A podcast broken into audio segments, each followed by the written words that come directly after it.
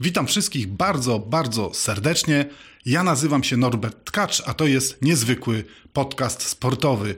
Dzisiaj zajmiemy się tematem niezwykle istotnym dla historii polskiej piłki, tematem, y, nad którym, w zasadzie nad osobą, o której dzisiaj będziemy rozmawiać, unosi się taka mgła czasami niewiedzy, a już na pewno osoba ta popadła w jakieś takie niezrozumiałe zupełnie dla mnie totalne zapomnienie. Bohaterem dzisiejszego odcinka będzie pierwszy trener reprezentacji Polski, Imre Pożony. Niezwykły podcast sportowy. Gramy historią. Od razu przepraszam za wszystkie błędy językowe, które popełnię. Przepraszam wszystkich madziarofili, tych, którzy doskonale znają język węgierski, za to, co nastąpi, kiedy będę czytał nazwiska i, i różnego rodzaju nazwy węgierskich klubów. No nie potrafię tego tak na 100% robić jeszcze, ale przyrzekam, że się poprawię. E, Ale wracamy do tematu. Otóż Imre Pożony e, to jest postać, e, no, powinna być postacią legendarną i dla Polski, dla węgierskiego futbolu, a także i dla na przykład Barcelony chociażby. Jest troszkę zapomniany i my teraz odświeżymy wiadomości o nim, które są dostępne oraz kilka wiadomości jest również takich, które ja znalazłem takie malutkie śledztwo e, sportowe, historyczne, uskuteczniając, że tak powiem, e, e, brzydko. Otóż nasz bohater urodził się 12 grudnia 1880 roku w Budapeszcie, no i całe swoje życie związał z piłką nożną. Oczywiście na początku jako piłkarz, a później jako trener. On zaczynał swoją karierę w roku 1900 w y, Ujpeszcie. No jednak y, tam y, jakby ten klub nie był tym, do którego się przywiązał najbardziej. By oczywiście zajmował w jego sercu i w głowie w toku różnego rodzaju wydarzeń, które później przez całe swoje życie on przeżywał zapewne wyjątkowe miejsce, jednak, jednak y, Ujpesz dość szybko opuścił i trafił w 1901 roku do zespołu, który ma taką, taki skrót MUE i to jest e, zespół o tyle ważny, że był to zespół, jeden z najstarszych zespołów em, węgierskich, założony w 1893 roku. Był również e, tenże klub założycielem Ligi Węgierskiej i tam jako zawodnik e, Pożny odniósł swój pierwszy sukces zawodniczy, mianowicie został e, wicemistrzem Węgier.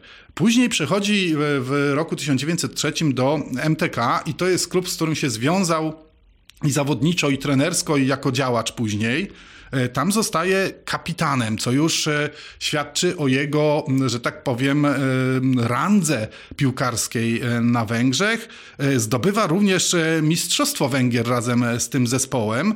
No i to oczywiście wszystkie te jego sukcesy jako piłkarza przekuwają się na to, że on zostaje również kapitanem reprezentacji Węgier i to w tym najwcześniejszym, najwcześniejszym okresie.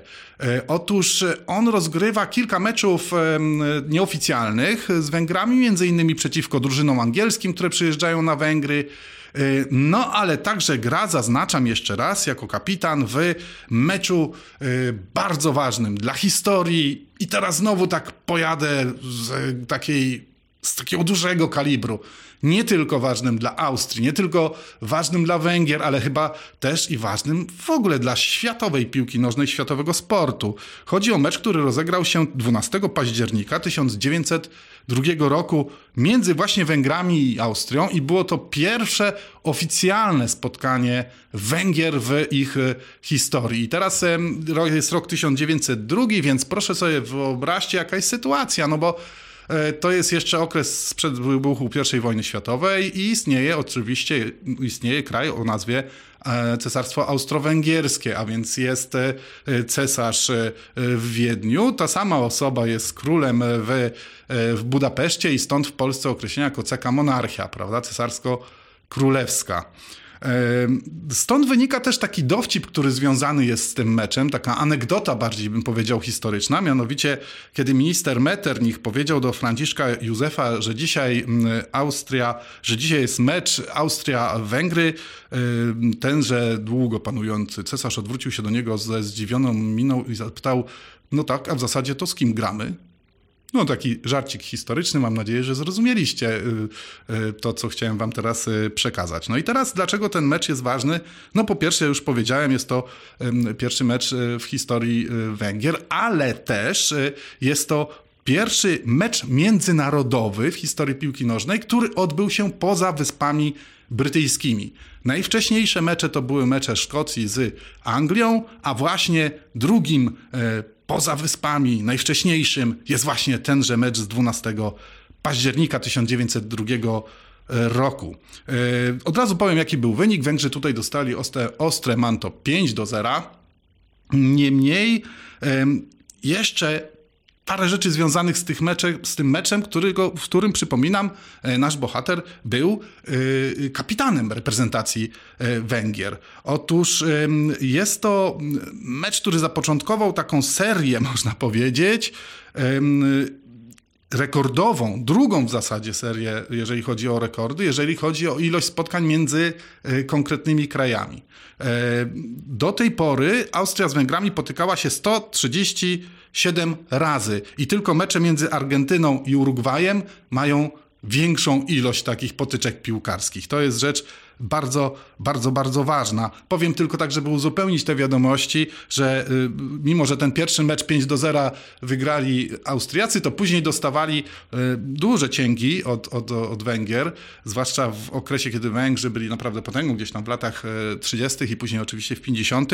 Ogółem rzecz biorąc 67 razy wygrali Węgrzy, 40 razy wygrali Austriacy. Ale żeby jeszcze dodać troszeczkę informacji tutaj, to powiem, że w tym meczu właśnie reprezentant Austrii, mm, który nazywał się Jan Studnicka, tenże y, pan strzelił w tym meczu pierwszy hat-trick w historii występów e, reprezentacji Austrii. Także w tym jednym spotkaniu, w którym on również wystąpił, jest cała masa bardzo dużej, cała duża, duża, potężna ilość ciekawostek historycznych i różnych statystycznych, które teraz tak bardzo szybko, ale Wam mm, opowiedziałem. E, był to jedyny mecz reprezentacji oficjalny, w którym e, wystąpił.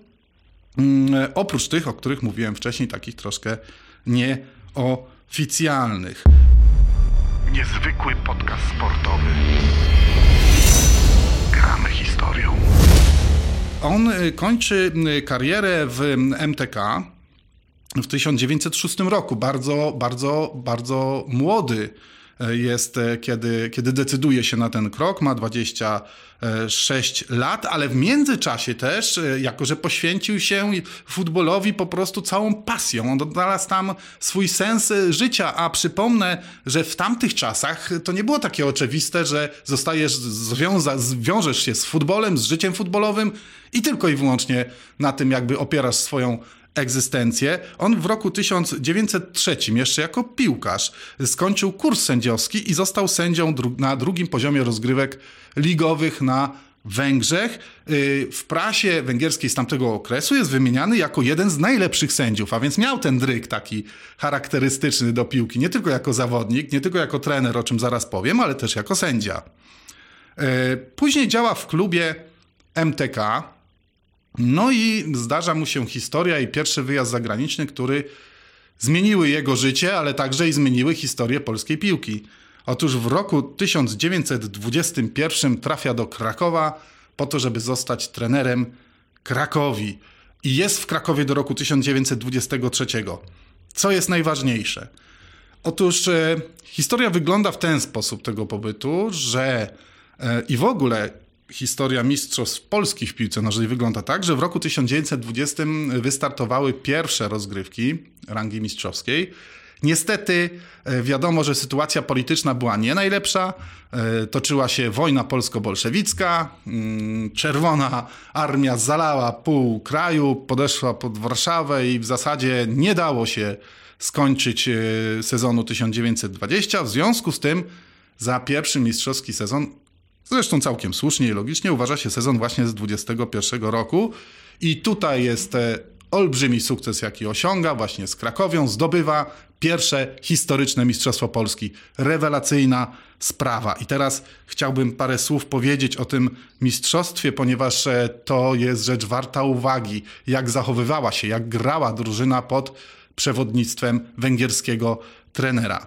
Po pierwsze, Musimy pamiętać, że te mistrzostwa z 1921 roku były najkrótszymi mistrzostwami w piłce nożnej w historii Polski, bo trwały tylko 70 dni. Od pierwszego meczu do ostatniego upłynęło no niewiele ponad dwa miesiące. Tego nie było nigdy później w polskiej piłce nożnej.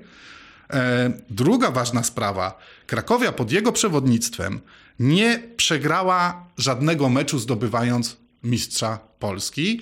I to jest rekord, który bardzo, bardzo długo się zestarzał absolutnie w statystykach e, polskiego sportu, dlatego że dopiero powtórzył ten wyczyn Widzew Łódź, uwaga, w sezonie 1995-1996. No to zobaczcie, jaka to była fenomenalna sprawa. Oni odnieśli podczas tych rozgrywek 13 zwycięstw i jeden remis. I prawdopodobnie oni by w ogóle nie stracili żadnego punktu, mieliby wszystkie mecze zwyciężone w tym marszu triumfalnym po mistrzostwo. Gdyby nie mecz y, z Wartą, tam była taka sytuacja, że minutę przed końcem meczu zawodnik Krakowi Gintel miał rzut karny, którego nie wykorzystał. A więc gdyby on wykorzystał ten rzut karny, no to wtedy Krakowia przeszła do historii jako klub, który nie przegrał żadnego meczu y, w drodze po mistrzostwo. Tak się jednak nie stało. E, teraz e, jeszcze, żeby pokazać, ma to przełożenie na styl, na, na to, w jaki sposób nastawia się drużynę. Jest to ewidentnie jakiś taki rysę e, jego indywidualny w stylu gry Krakowi. Powiem, że królem strzelców tamtego, tamtego sezonu został Józef Kałuża. On miał 9 bramek, zdobył. Na drugim miejscu, no niezapomniany, fantastyczna postać, o nim też pewnie zrobimy kiedyś e, rozmowę, może jakąś dłuższą, jakiś podcast. Osiem bramek e, Wacław Kuchar z Pogoni Lwowskiej. A na trzecim miejscu, i to jest super ciekawe, lądował Bolesław Kotapka z siedmioma bramkami i teraz przypominam, że Bolesław Kotapka, to tutaj się łączą te dwa podcasty nasze. Mm, jemu poświęcony jest cały e, podcast o śmierci na ulicy Topolowej. E, zapraszam oczywiście do odsłuchania tego podcastu. Niedaleko, zaraz za plecami naszymi jest. I tenże Kotapka oczywiście w wyniku zbrodni kryminalnej na tej ulicy Topolowej, gdzie mieszkał w kamienicy, został zabity. Jeszcze tylko tak, żeby uzupełnić i uczciwie postawić sprawę, że również na trzecim miejscu w tej klasyfikacji strzelców z sezonu 1921 wylądował zawodnik Warty Poznań Marian Einbacher. E, teraz wypada mi zacytować nieocenionego w, tym, w, w, tych e, sytuacjach Stanisława Mielecha, który tak wspominał trenera e, swojego w swojej fenomenalnej książce Gole, Faule i Offside. I teraz uwaga, będzie cytat. E, drugim trenerem piłkarskim, którego uważa się za współtwórcę tzw. Tak szkoły krakowskiej był Pożny. Pożny położył nacisk na kondycję fizyczną i taktykę. Mówiono, że Krakowię, Krakowię postawił na kółkach, bo kazał nam biegać w koło boiska.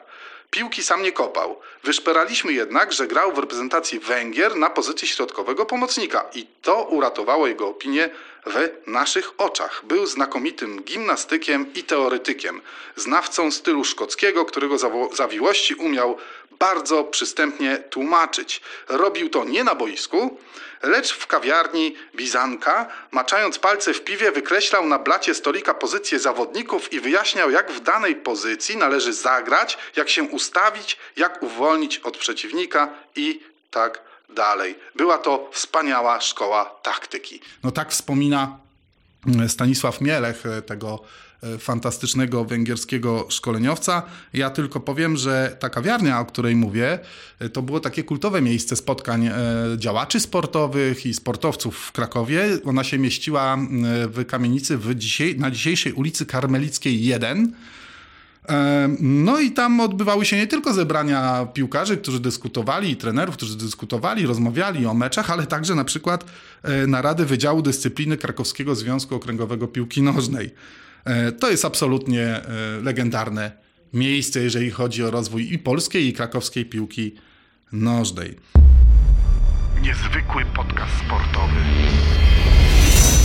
Gramy historią.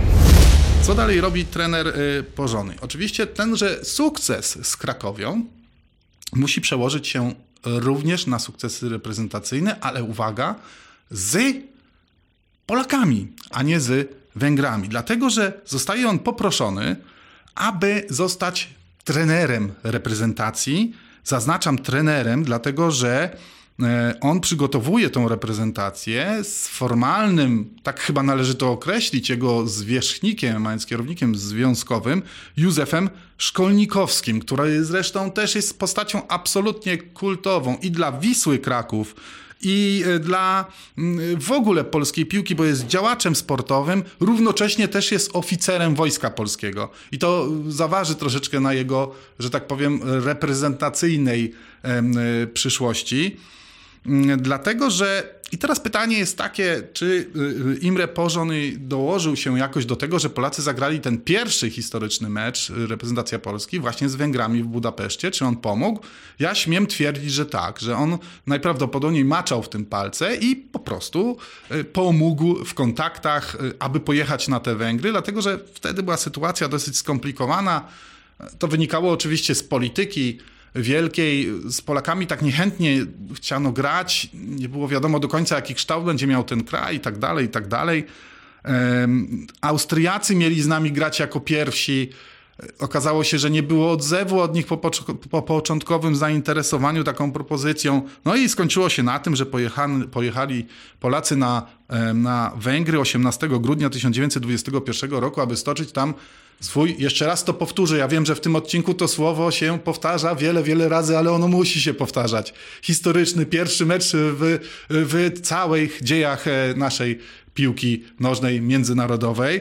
E, jeszcze tylko tak dodam, że Józef Szkolnikowski e, powinien był jechać na ten mecz razem z Pożonym, ale tak się nie stało w wyniku obowiązków, które miał w armii. Armia go nie puściła, więc samodzielnym trenerem, który prowadził w tym pierwszym meczu polską reprezentację, został właśnie położony. Trzeba powiedzieć od razu, y, mecz ten odbył się na stadionie Hungarika w, w Budapeszcie.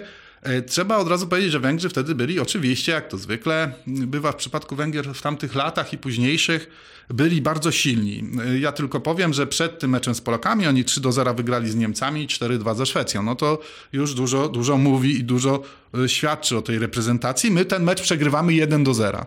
I teraz ciekawe jest to, że tak, po pierwsze Polacy mają doskonałe, doskonałe mm, takie notowania, że tak powiem, w prasie węgierskiej po tym meczu. Mówi się, że to jest bardzo solidna reprezentacja, że E, w sumie to e, nawet mogłaby zagrozić tym Węgrom faworyzowanym i oczywiście na wyższym poziomie, że tak powiem, rozwoju futbolowego. E, ale dzieje się tak, że przegrywamy. Ciekawostka a propos tego meczu. Jedyną bramkę dla, dla Węgier strzela Jeno Szabo. To jest zawodnik, który grał jeden mecz w reprezentacji, strzelił jedną bramkę właśnie Polakom. Także ma stuprocentową skuteczność, jeżeli chodzi o występy. No i stuprocentową skuteczność przeciwko Polsce. To tak zupełnie swoją drogą. Niemniej, to jest e, reprezentacja. Teraz wracamy do Krakowa. Oczywiście Pożno jest dalej trenerem e, Krakowi do roku 1923. No i tutaj y, okoliczności w tym samym roku opuszcza, opuszcza Kraków, no i tak do końca nie wiadomo. Ja też od razu chciałem powiedzieć, że, że jestem dopiero w trakcie wyjaśniania różnego rodzaju zawiłości życiowych e, tego wybitnego trenera. On jest niezwykle mało informacji na jego, na jego temat, to, to boli. E, no i mm, tutaj też nie do końca wiemy, tak jak powiedziałem, ta mgła tajemnicy nad tym jego życiem się unosi i to wyjdzie jeszcze w kilku, w kilku innych punktach jego życia, o których zaraz będę mówił. E, z drugiej strony, no, no szkoda, no bo przecież dlaczego Polacy nie hołubią, nie, nie badają, nie, nie rozpytują się o tego, o, tego, o tego trenera, przecież tak bardzo ważnego dla, dla nas, dla naszej reprezentacji i dla futbolu klubowego. No ale nic to, kontynuujmy. Otóż e, tak jak powiedziałem, Krakowia w roku 1923 no, notuje niezbyt udane y, zawody w Mistrzostwach Polski, ale jeszcze tylko tak szybciutko wyjaśnię, że wtedy Mistrzostwa Polski nie odbywały się w, w formule ligowej, tylko w formule takiej mieszanej, powiedzmy sobie, że że były okręgi, tych, w tych okręgach grano w klasie A, która była najwyższa, w klasie B i C też naturalnie, ale ta A to były te zespoły, które miały kandydować do tego, aby być mistrzem Polski i zdobywać medale Mistrzostw Polski. One później przechodziły do fazy już tej mistrzowskiej, gdzie każdy grał z każdym na zasadzie, powiedzmy, w cudzysłowie ligowej, chociaż jeszcze raz powiem, że to absolutnie system ligowy nie jest. E, no i Krakowia w 23 roku przegrywa z Wisłą ten, ten, ten, ten w, w, klasie A krakowskiej. To było trochę niesprawiedliwe, bo jedne okręgi miały troszkę silniejsze kluby, tak jak okręg krakowski czy lwowski, a inne trochę słabsze, no ale to już takie były, takie były czasy. Może o tych systemach rozgrywkowych też kiedyś opowiemy, bo to bardzo ciekawa sprawa w Polsce.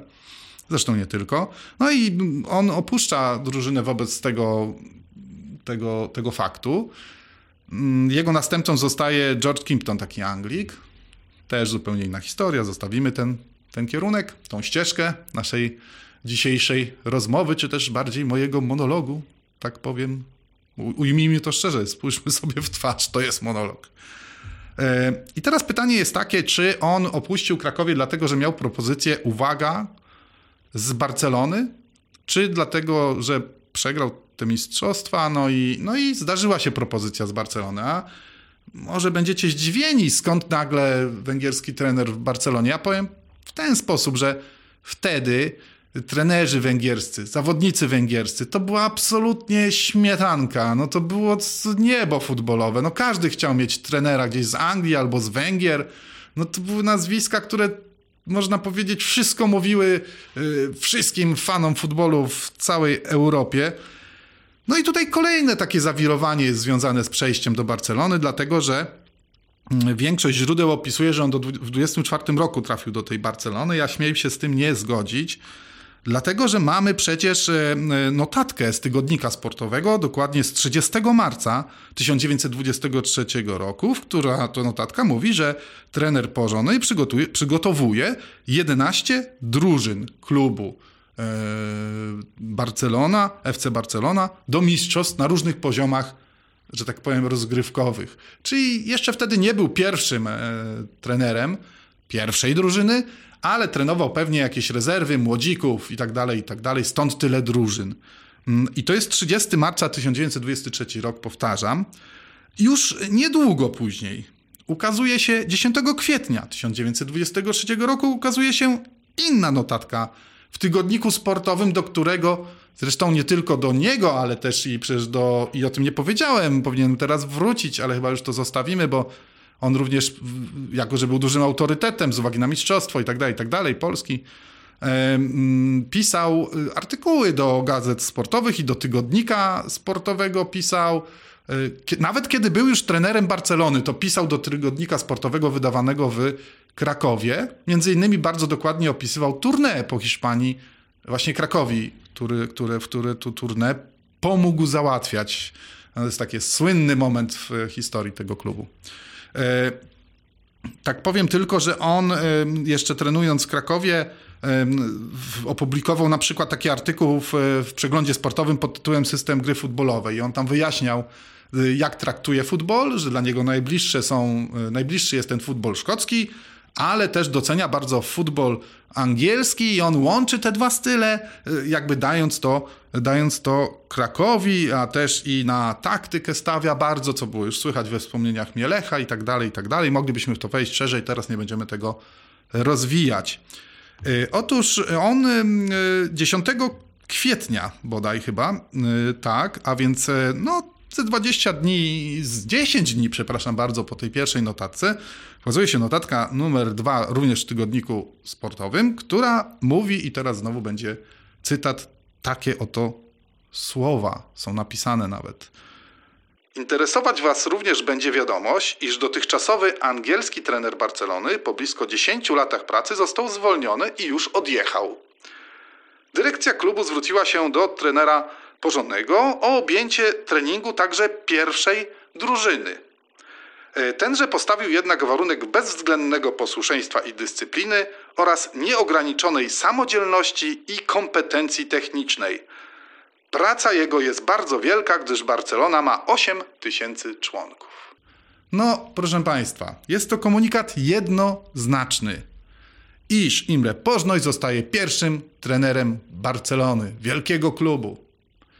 I wyobraźmy sobie z punktu widzenia dzisiejszego no absurd jakiś i kosmos, nie wiem jak to nazwać, inna galaktyka, jakiś e, świat równoległy to praktycznie rzecz biorąc dla dzisiejszego sympatyka futbolu, kiedy sobie wyobrazi, że dajmy na to trener Krakowi dzisiejszy, na przykład Probierz, kiedy kończy z Krakowią, dostaje propozycję trenowania Barcelony. No widzicie, ja sam się z tego śmieję. Wtedy tak było. On E, ten trenerem, który trenował Barcelonę, a który odszedł po blisko 10 latach, to, to był e, Jack Greenwell. Też inna sprawa, ale to tak, żeby uzupełnić e, opowieść. Nie wiem skąd się biorą daty obecności w Barcelonie naszego bohatera 24-25, to też jeszcze do tego dojdę, bo tutaj jakby to się wszystko mniej więcej tak o rok, dwa mija w porównaniu do tego, co nam relacjonuje praca, a myślę, że prasie w tym wypadku należy wierzyć. Więc to jest takie moje prywatne korygowanie trochę tych wszystkich dat, które znajdują się na wielu, wielu stronach. Zresztą nie pierwsze, y, które mieliśmy i nie pierwsze, które będziemy y, mieć. Jaką on miał drużynę Barcelony i co on z Barceloną osiągnął? On osiągnął z Barceloną bardzo dużo. To pierwsza rzecz, zaraz do tego przejdę. Natomiast e, trzeba sobie otwarcie powiedzieć: Barcelona i wtedy, i teraz to jest analogiczne. Zresztą zaraz będzie analogia również pewna, albo inaczej, kontakt tamtej drużyny porządnego e, z Y, z tą drużyną obecną Barcelony, y, była no, naszpikowana w zasadzie gwiazdami światowego formatu. I taką postacią, która jest bardzo charakterna, o której też, widzicie, znowu temat się pojawia. Te nitki trzeba ciągnąć, trzeba je gdzieś tam umieszczać, trzeba o nich opowiadać wam, bo to są fenomenalne historie. Był, uwaga, Filipińczyk Paulinho Alcantara. Tenże zawodnik to piłkarz, który nie miał sobie równych absolutnie. W historii Barcelony również. Zaraz powiem do jakiego momentu. To był gwiazdor nieprawdopodobny. On y, wystąp, występował w reprezentacji i Hiszpanii, i Filipin. I śmiem twierdzić, niech mnie kule biją w pierś, jak będzie to słychać nawet w mikrofonie. Tak się bije, kule mnie biją w pierś. Jeśli nie był to najsłynniejszy w historii światowego futbolu piłkarz z Filipin. Jeżeli było inaczej, proszę komentować na różnych forach, na których się spotykamy z naszymi opowieściami. Otóż tenże Alcantara wystąpił w 357 meczach Barcelony, a strzelił 369 bramek. I wiecie, kto dopiero pobił jego rekord? No oczywiście Leo Messi. A więc do naszych czasów współczesnych, od lat 20., ten rekord tego Alcantary, którego trenował nasz fantastyczny węgierski trener, e, e, przetrwał. Rzecz niebywała i fantastyczna. Inną taką postacią, która też e, świadczy i potwierdza moją tezę o fenomenalności węgierskich zawodników, e, trenerów, szkoleń, e, wszystkiego, co związanego z futbolem, jest inny z tamtych lat światowy gwiazdor, y, bramkarz y, sławy ogólnoglobalnej, y, Franz Platko. On był naprawdę nazwiskiem wtedy rozpoznawalnym, wierzcie mi. Mega rewelacyjny bramkarz. Też w Polsce trochę no, niepamiętany, nawet chyba w ogóle o nim nikt specjalnie nie mówił wcześniej. Cieszę się, że mogę to zrobić teraz. E, otóż y, on rozpoczynał, tenże Platko rozpoczynał swoją karierę, y, grał zanim przyszedł do Barcelony, może w ten sposób to y, potraktujemy, z MTK. I tutaj naraz, no, tak w głowie mi się urodziła taka historia, myślę, że można ją spokojnie potwierdzić. Jak mówię, jeszcze będę badał losy Imre Pożnoja i wtedy będę pewnie to potwierdzał albo nie, ale wydaje mi się, jestem prawie na 80% przekonany, że że on sprowadził z MTK jako sam były piłkarz MTK do Barcelony właśnie y, Franca Platko. Z tym, że ten Franz Platko, jak on z tego MTK przychodził do Barcelony, to on już był gwiazdorem światowym. Bo taką, taki status, y, przynajmniej europejskim, ponieważ taki status miały najlepsze kluby wtedy węgierskie czy czeskie na przykład. One były uznawane za najlepsze na świecie, mogące rywalizować spokojnie ze wszystkimi. Przez jakiś czas, właśnie w latach dwudziestych to była, mm, to była Slavia Praga uznana za najlepszą, y, MTK uważano za potęgę y, niemal światową klubową, on właśnie z tego MTK przecież już jako mega znany Bramkarz wkomponował się świetnie w Barcelonie, no i występował w tejże do roku 1930. Także proszę Państwa, no nasz e, Imre e, miał fenomenalną drużynę i też bardzo dobre wyniki z nią notował, dlatego że on jako trener rozegrał 47 meczów prawdopodobnie będąc opiekunem Barcelony, z czego 30 razy wygrał, 9 razy zremisował, 8 porażek miał, a więc ta statystyka jest, no trzeba powiedzieć, bardzo, bardzo, bardzo dobra. W tym czasie zdążył wygrać Puchar Hiszpanii, to jest na, największe jego osiągnięcie, oraz został mistrzem Katalonii, co też w tamtych czasach miało swoje ogromne znaczenie i ogromny prestiż. E, jak się skończyła jego przygoda z Barceloną? On tym trenerem, gdyby mu pozwolono y, być dłużej, zapewne przeszedłby do historii tego klubu jako jeden z najwybitniejszych. Taką mam teorię. Można z tym oczywiście polemizować. Natomiast on jakby padł ofiarą y, takiego, takiej jakiejś, może nie wojny, ale rywalizacji w zarządzie Barcelony.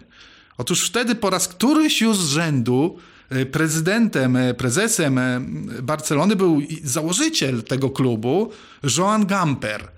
E, I on był tym prezesem kilkakrotnie, teraz już nie pamiętam, cztery albo pięć razy nawet, chyba pięć razy był prezesem. On nie dość, że założył, że był współzałożycielem tej Barcelony, to jeszcze dodatkowo uratował ją przed krachem finansowym. E, I tak, i no, to postać nieprawdopodobnie ważna, być może najważniejsza, jeżeli chodzi o te struktury za, zarządzania tym klubem w historii w historii Barcelony. No i tutaj wspomagam się teraz znowu notatką z tygodnika sportowego z 16 lipca 1924 roku, że Pożony to brzmi tak. Pożony nie jest już trenerem Barcelony. Cała spółka akcyjna i dyrektoriat Barcelony z Gamperem na czele rozwiązały się. No prawda jest taka, że rozwiązało się to w wyniku jakiejś tam wojenki właśnie między wpływowymi działaczami tego klubu.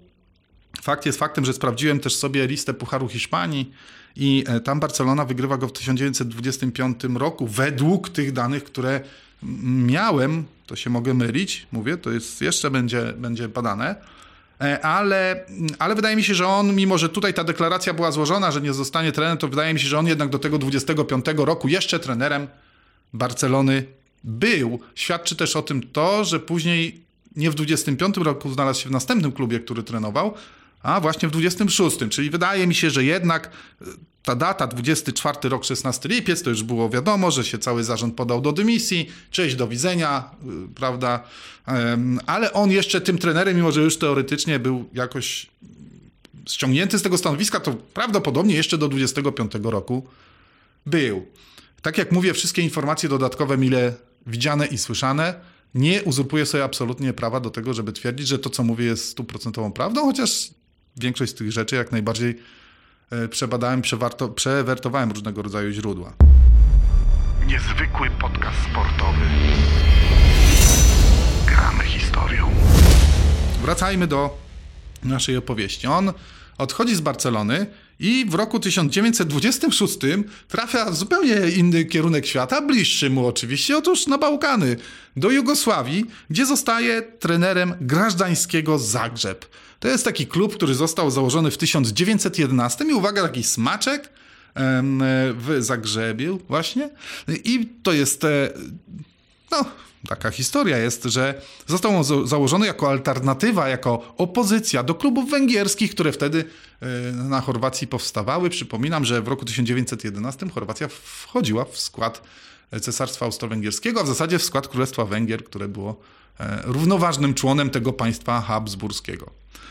E, niemniej w roku 1926 Pożony przychodzi do, do Grażdańskiego i jeszcze powiem, żeby tak uzmysłowić wszystkim fanom współczesnym, cóż to za klub jest.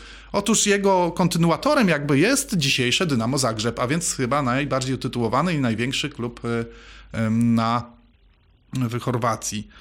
On e, zdobywa z tym, że to też świadczy o jego randze tego trenera i o tym, jakie on ma umiejętności. On zdobywa z tym grażdańskim, proszę sobie wyobrazić, Zagrzeb, y, dwa mistrzostwa Jugosławii w roku 1926 i 1928. A tak, żeby to uzupełnić, to powiem, że y, te ligowe rozgrywki w, w Jugosławii wystartowały od 1923 roku, a więc jest to ogromny sukces.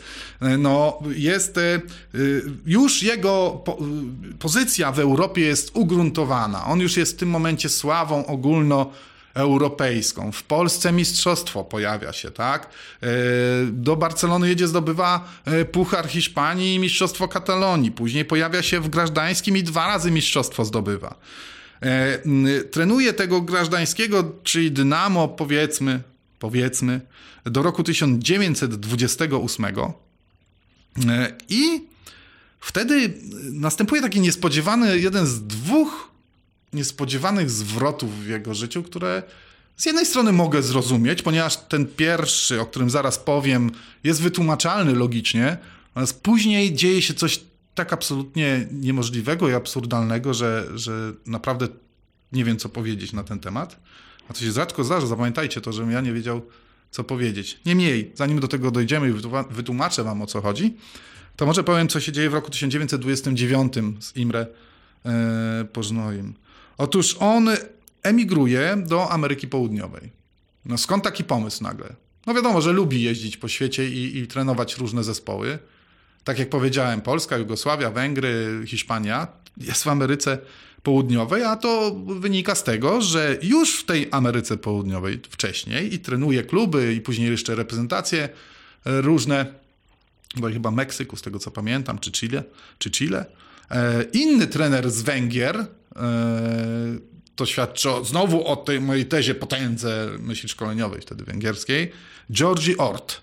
Georgi Ort to był bardzo uznany trener także w, w, Europie, dlatego że on trenował i zespół Genui y, we Włoszech, i zespół FC Norymbergi w Niemczech, a więc całkiem, całkiem dobre y, kluby, firmy, niczego sobie.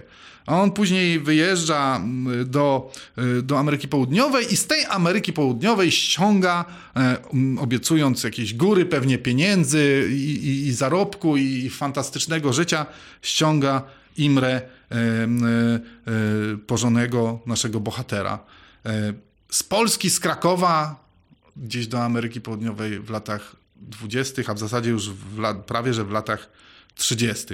On w, tym, e, w, tym, w tymże Meksyku zostaje trenerem klubu piłkarskiego, jakże, no cóż bym miał innego robić w życiu, który się nazywał RC Espana. Espania, RC Espania, chyba teraz tak dobrze powiedziałem. E, klub ten jest jednym z silniejszych, a przez pewien moment najsilniejszy w Meksyku, kiedy tam jeszcze toczą się takie zmagania ligowe amatorskie on w tym czasie zdobywa razem z tym klubem dwa, razem z tym klubem dwa razy Mistrzostwo Meksyku, to amatorskie. A więc jest e, znowu e, kolejny kraj, który może sobie gwiazdki za mistrzostwo gdzieś tam na swoją pierś przyczepić. No, fenomenalna rzecz, niesamowita i wydaje się, że w zasadzie, w zasadzie wszystko mówi nam jako słuchaczom w tej chwili jego życia czy oglądaczom. Pozdrawiam widzów YouTube'a tutaj. Zapraszam zresztą wszystkich ze Spotify, żeby też zaglądali do nas na YouTube'a, zostawili subskrypcję, a dlaczego nie? Przecież fajny pomysł to jest w ogóle. popieram. Norbert Kacz, popieram. Otóż y, coś się dzieje z jego życiem nie tak, bo on się nie dorabia majątku. On nie ma całej masy pieniędzy. On nie ma kolejnych propozycji i ta, ten wyjazd do Ameryki Południowej staje się jakąś taką ślepą uliczką absolutnie. Ślepą uliczką, z której jak się okazuje do końca życia nie mógł się wyrwać. To zderzył się ze ścianą. Stamtąd absolutnie już nic zawodowo więcej nie wiadomo nam, żeby robił.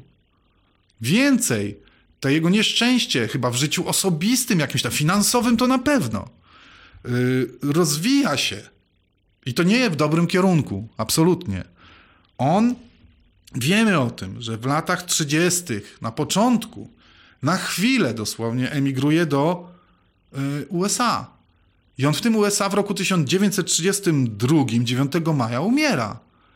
Ale posłuchajcie, on nie umiera jako pełen triumfu gwiazdor światowych e, boisk, jako gwiazdor fantastyczny, który tworzył historię futbolu w Barcelonie, w Polsce, na Węgrzech, w Meksyku. On umiera jako bezdomny, jako biedak, jako człowiek w pełnym ubóstwie i umiera w całkowitym zapomnieniu. Jeszcze dwa, trzy, cztery lata wcześniej jest na szczycie świata i nagle w Nowym Jorku znajduje się w jakiejś takiej czarnej matni, z której nie potrafi wyjść i tak jak powiedziałem wcześniej, umiera w całkowitym zapomnieniu. Zapomnieniu przez Węgrów, zapomnieniu przez Polaków, zapomnieniu przez Katalończyków i przez jego możnych przyjaciół, na czele z prezesem Barcelony Gamperem. Nieprawdopodobny rollercaster, a w zasadzie nie rollercaster, bo tam nie było podniesienia do góry, tylko od razu walił życiowo w dół, można powiedzieć, na, na twarz upadł z jakiegoś wieżowca e, drapacza chmur, rozbił się życiowo i, i w ten sposób niestety skończył. Tak się, tak się skończyła jego legenda, tak się skończyło jego, jego życie.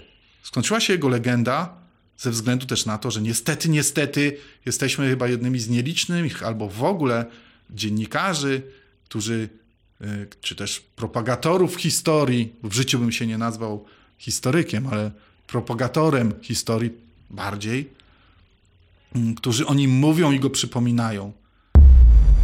Niezwykły podcast sportowy. Gramy historią. Otóż y, panuje też, y, zresztą chciałem to powiedzieć, nie wierzcie y, i takiej sprawie, która wydaje mi się nieprawdopodobna.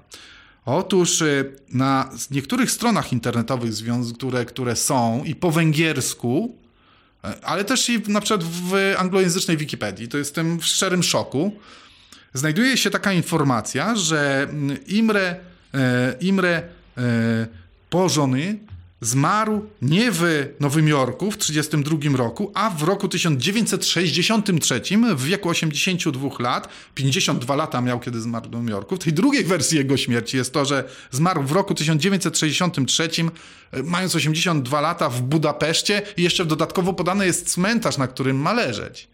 Według 80% materiałów, do których ja dotarłem, a kiedy tylko e, będzie można, ja udam się do Budapesztu i to wam solennie obiecuję, i na pewno z tego też jakiś materiał zrobimy. I sprawdzimy i ten cmentarz, i sprawdzimy dane e, gdzieś tam w futbolowej federacji, jeżeli tylko można będzie je dostać, węgierskiej, żeby się na 100% upewnić, że ta wersja śmierci w Nowym Jorku jest e, wersją prawdziwą. I sprawdzić jeszcze inne rzeczy z jego życia, bo przecież w tej chwili to tak można powiedzieć, że przez te jego 52 lata przelecieliśmy w sposób e, gwałtowny i szybki. Obiecuję Wam, że będziemy ten temat pogłębiać i ta wizyta w Budapeszcie podejrzewam będzie mm, absolutnie, absolutnie mm, wizytą kluczową. Sprawdzimy, jeszcze raz powtórzę, tenże cmentarz, sprawdzimy wszystkie możliwe dokumenty, do, dotrzemy do tego i wyjaśnimy na 100%, co się stało z pierwszym trenerem reprezentacji Polski. Tak jak powiedziałem, jest jedna, jest, pojawia się taka informacja, jest ona krytykowana przez wszystkich, którzy w jakikolwiek sposób zajmują się historią i historią, tym skrawkiem historii futbolowej. E, nie wiem skąd jest ta informacja o roku 1963, niemniej taka istnieje, aczkolwiek jestem prawie że przekonany, że jest to po prostu wierutna bzdura. Niezwykły podcast sportowy. Historią. Drodzy Państwo, tyle chciałem powiedzieć, żeby przypomnieć e, tą bardzo interesującą postać. Postać i tragiczną, ale też i postać, która no, odcisnęła piętno, jak się okazuje, nieprawdopodobne w różnych krajach na historii piłki nożnej. E, pamiętajcie proszę o, o e, Imre Porzonym, o naszym fantastycznym trenerze, zdobywcy pierwszego Mistrzostwa Polski, trenerem, pierwszym, o pierwszym trenerze reprezentacji Polski, trenerze Barcelony, Grażdańskiego. Był to człowiek niesamowity i wielka szkoda, podkreślam jeszcze raz, wielka szkoda, że pamięć o nim jest taka licha. To był niezwykły podcast sportowy. Opowiadał dla Was Norbert Tkacz. Dziękuję, do usłyszenia, do zobaczenia. Niezwykły podcast sportowy. Gramy historią.